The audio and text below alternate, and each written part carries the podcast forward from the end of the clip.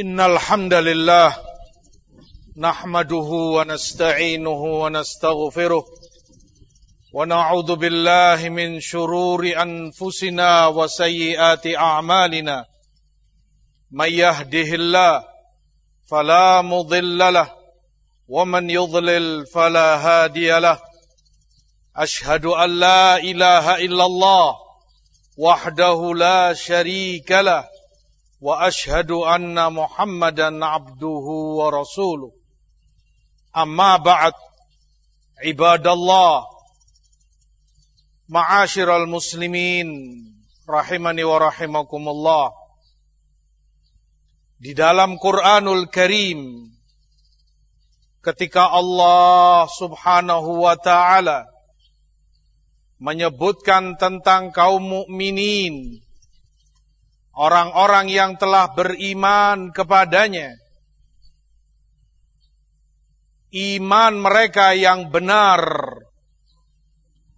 iman mereka yang baik dan jujur, membawa mereka kepada sifat-sifat yang mulia dan terpuji. Iman yang benar tersebut menjadikan mereka orang-orang yang berada pada kriteria yang sangat tinggi. Salah satu dari sifat-sifat orang yang beriman yang Allah muliakan dan Allah puji mereka yang Allah sebutkan dalam surat Mukminun walladzina hum li furujihim hafizun illa ala azwajihim aw ma malakat aymanuhum fa innahum ghairu malumin. Faman ibtagha wara'a dzalika faulaika humul adun. Salah satu sifat mukminin haqqan sifat orang yang beriman yang benar-benar iman ada pada hatinya yang benar-benar iman tertanam dalam kolbunya. Mereka itu selalu menjaga farji-farji mereka. Lifurujihim hafidhun. Mereka jaga kemaluannya. Mereka jaga sesuatu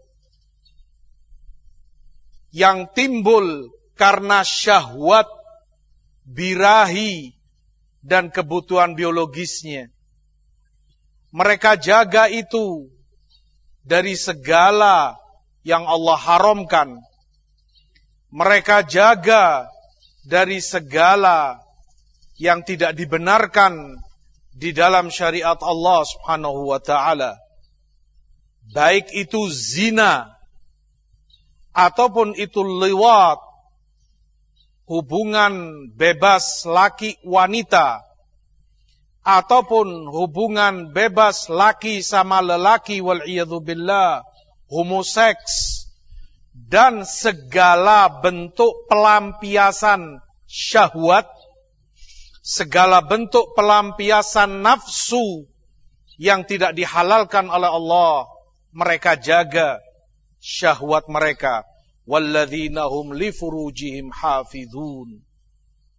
Di dalam hadis Rasulullah sallallahu alaihi wasallam menjamin orang yang demikian man hafidha ma baina lahyai wa ma baina fakhidai dhamintu lahul jannah barang siapa yang menjamin menjaga di antara kedua rahangnya mulut, mata, dan telinganya, dan menjaga yang di antara kedua pahanya, syahwatnya, farjinya, dia jaga dari segala yang haram, maka aku jamin jannah baginya, surga baginya.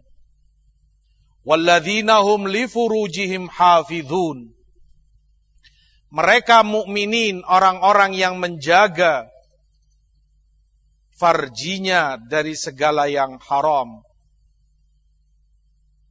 Termasuk dari bentuk penjagaan farji dari yang haram, bentuk kesempurnaan penjagaan syahwat dari yang haram adalah dijaga syahwat itu melalui penglihatannya.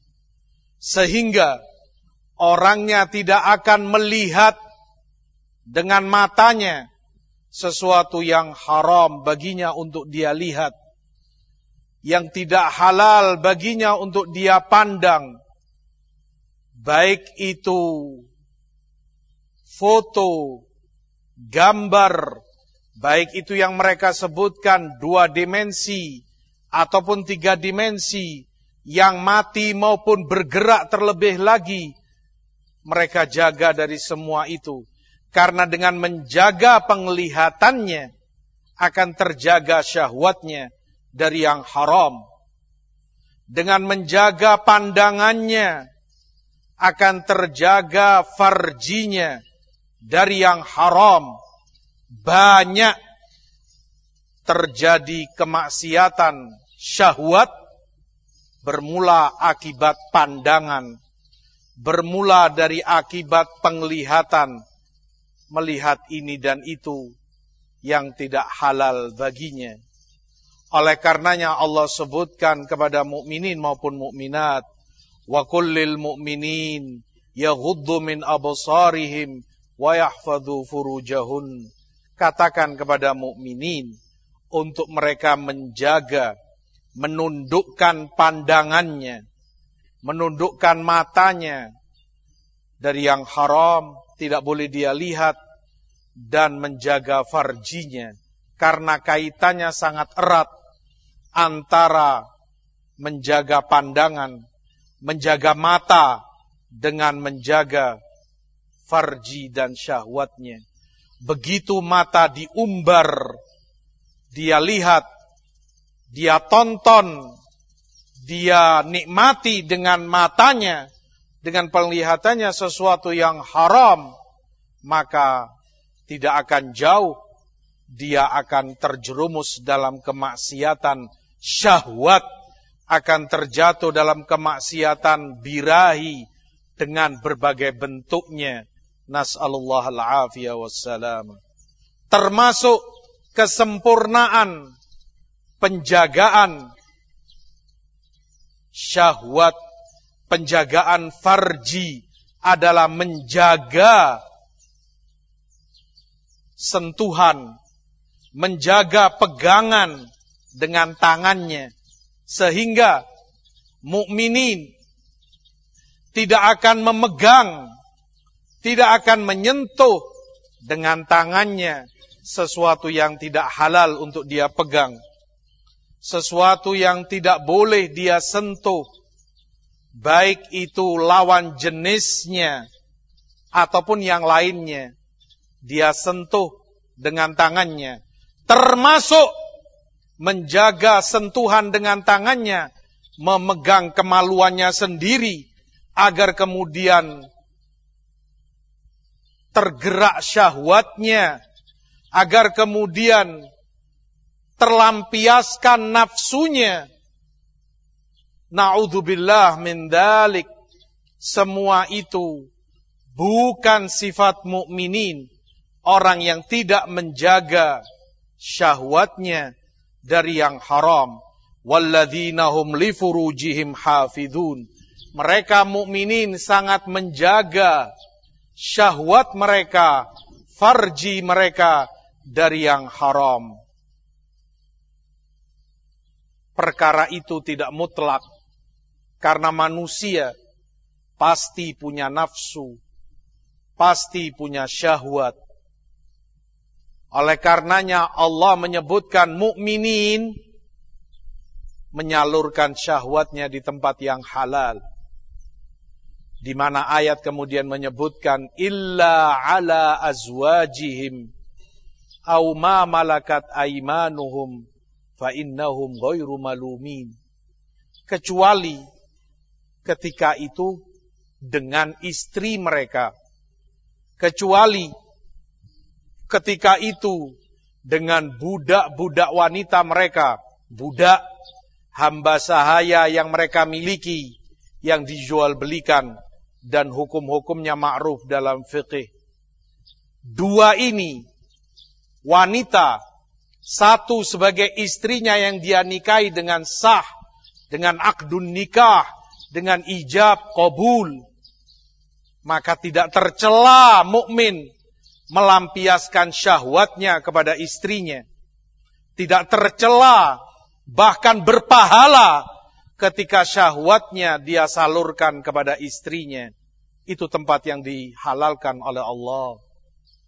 Begitu pula kalau itu budak-budak mereka yang dia peroleh dengan cara-cara yang syar'i, ghanimah, ketika ada peperangan muslim dengan kufar, dia mendapat bagian budak hamba sahaya, wanita, atau itu dia jual atau dia beli.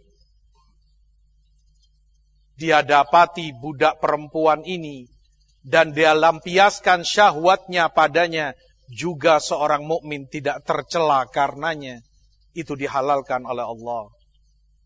Fa innahum ghairu malumin. Dan ketika Allah sebutkan batasan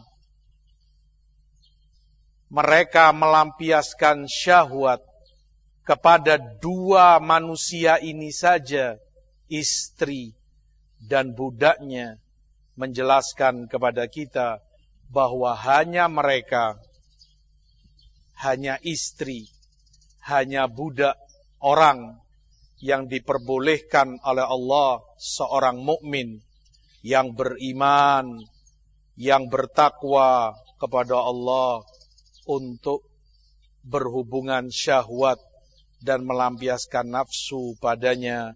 Aku luma sami'tum wastaghfirullah إنه هو الغفور الرحيم.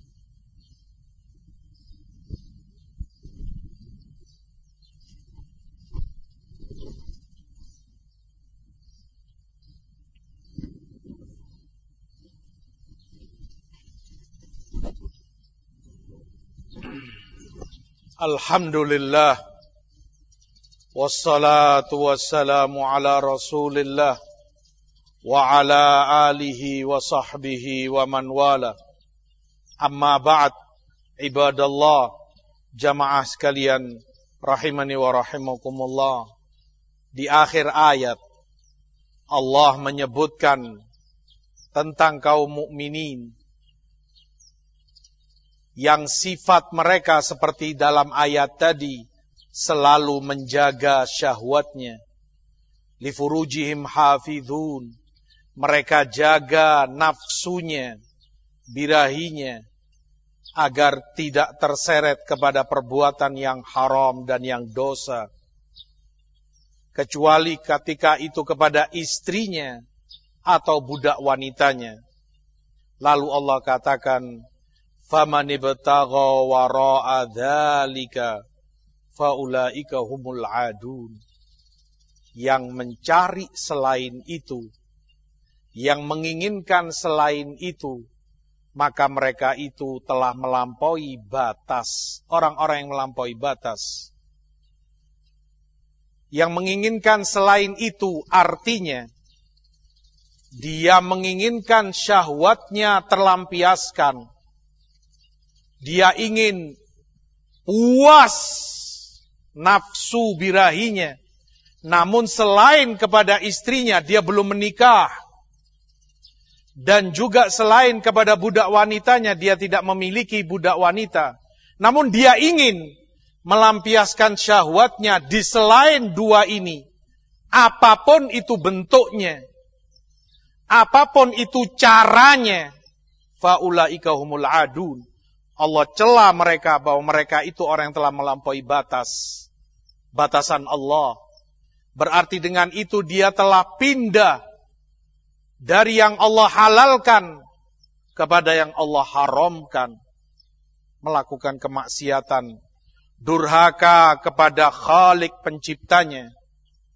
Berarti dengan itu dia telah melampaui syariat Allah batasan yang telah Allah berikan kepada hambanya. ayat ini para ulama sebutkan dalil yang tegas, dalil yang jelas menunjukkan haramnya segala perbuatan nafsu, segala pelampiasan syahwat selain kepada istri, selain kepada budak wanitanya, maka termasuk di dalamnya adalah haramnya onani.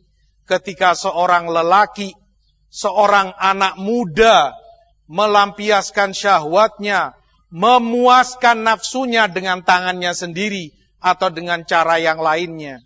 Dengan memandang suatu gambar wanita atau melihat menonton sesuatu, terlampiaskan syahwatnya puas dengan itu, terkeluarkan, terlampiaskan nafsunya dengan itu, padahal itu bukan istrinya, bukan budak wanitanya. Adun, Berarti dengan itu dia telah melampaui batasan Allah. Dia tinggalkan yang halal. Dan dia telah melakukan yang haram. Adun. Dan bukan demikian sifat orang yang beriman kepada Allah. Bukan demikian orang yang jujur imannya kepada Allah. Bukan demikian orang yang benar imannya, takwanya, takutnya kepada Allah Subhanahu wa taala, maka jagalah syahwat kita dari segala yang haram.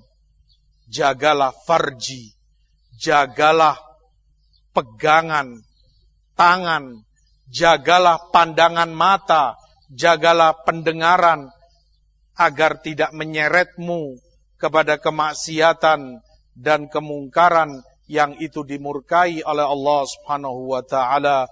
Allahumma salli ala Muhammad wa ala ali Muhammad kama sallaita ala Ibrahim wa ala ali Ibrahim innaka Hamidun Majid wa barik ala Muhammad wa ala ali Muhammad kama barakta ala Ibrahim wa ala ali Ibrahim innaka Hamidun Majid. Allahumma inna nas'aluka al-huda wa tuqa wal afafa wal ghina. Allahumma rabbana atina fid dunya hasanah wa fil akhirati hasanah wa qina adzaban nar. اللهم إنا نسألك خير ما سألك به نبيك محمد صلى الله عليه وسلم ونعوذ بك من شر ما استعاذك منه نبيك محمد صلى الله عليه وسلم. اللهم أصلح لنا ديننا الذي هو عصمة أمرنا وأصلح لنا دنيانا التي فيها معاشنا وأصلح لنا آخرتنا التي إليها معادنا. برحمتك يا أرحم الراحمين. اللهم أصلح لنا ولاة أمورنا اللهم وارزقهم بطانة صالحة تعينهم على طاعتك. اللهم وأصلح بهم البلاد والعباد. برحمتك يا أرحم الراحمين. سبحان ربك رب العزة عما يصفون وسلام على المرسلين. والحمد لله رب العالمين. أقم الصلاة.